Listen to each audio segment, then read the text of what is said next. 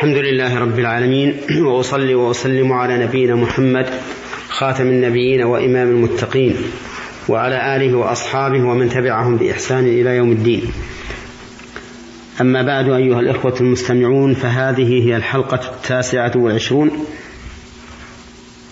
من حلقات أحكام القرآن. نتكلم فيها على قوله تعالى وبشر الذين آمنوا وعملوا الصالحات أن لهم جنات تجري من تحتها الأنهار.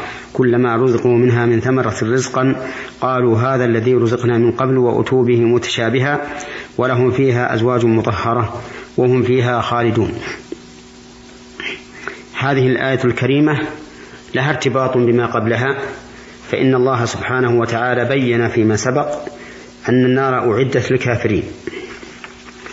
وكان هذا القرآن الكريم مثاني تثنى فيه المعاني فإذا ذكر الثواب ذكر العقاب وإذا ذكر الكفر ذكر الإيمان وهكذا كما قال الله تعالى الله نزل أحسن الحديث كتابا متشابها مثاني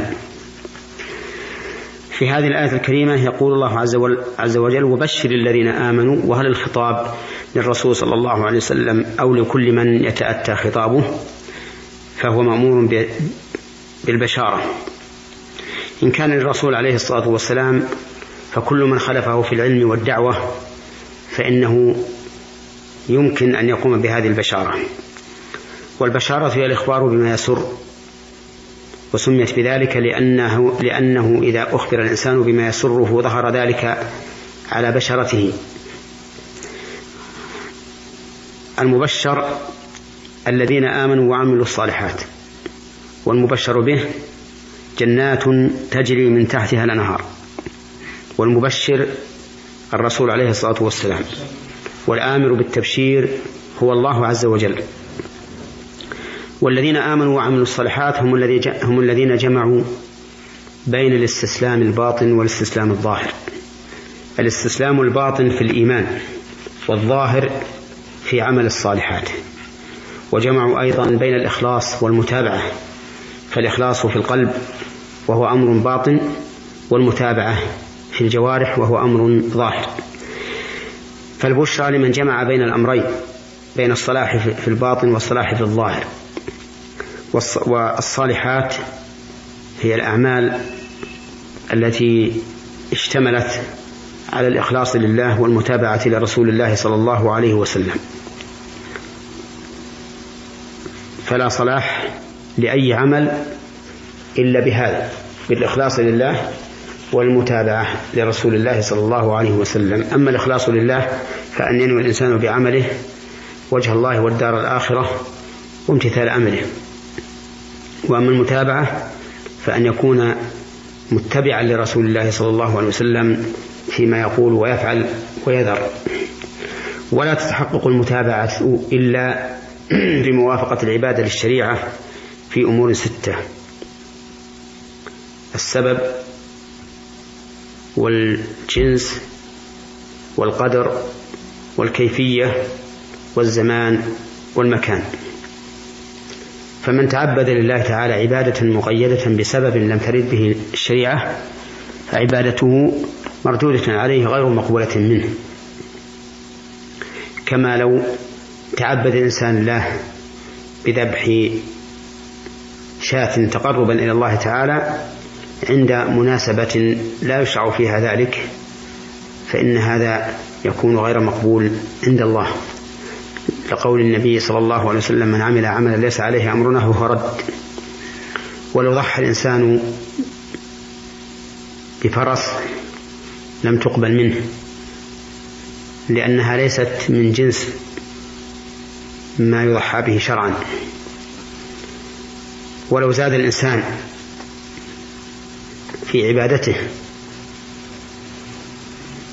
لم تقبل منه هذه الزيادة لأنها ليس عليها أمر الله ورسوله. ولو فعل العبادة على غير الوجه الذي وردت عليه لم تقبل منه. كما لو توضأ منكسا مثلا فإن ذلك لا يقبل منه لأنه على خلاف ما جاء عن الرسول عليه الصلاة والسلام.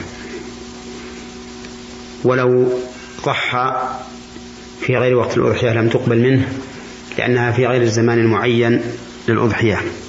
ولو اعتكف في غير مسجد لم يقبل منه لأنه ليس في المكان الم... الذي خصص شرعا للاعتكاف. فإذا لا تتحقق المتابعة لرسول الله صلى الله عليه وسلم إلا إذا تضمنت العبادة هذه الأمور الستة. وقولها أن لهم جنات تجري من تحتها الأنهار الجنات جمع جنة وجمعت لاختلاف أنواعها وأسمائها وأحوالها.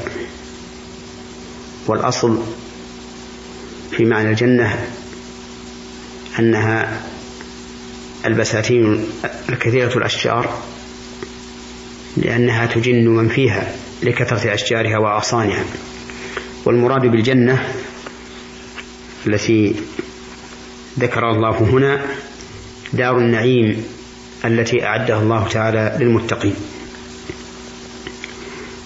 والأنهار التي تجري من تحتها أي من أسفلها وتحت القصور والأشجار أربعة أصناف.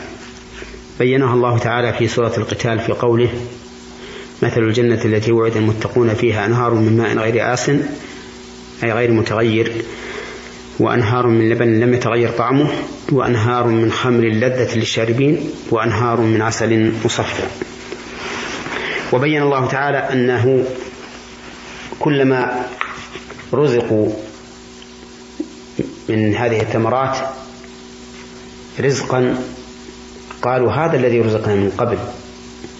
لأنه يشبهه في اللون والحجم. فيقولون هذا الذي رزقنا من قبل ولكنه ولكنهم إذا طعموه تبين لهم أنه غيره. وهذا من تمام لذة الآكلين.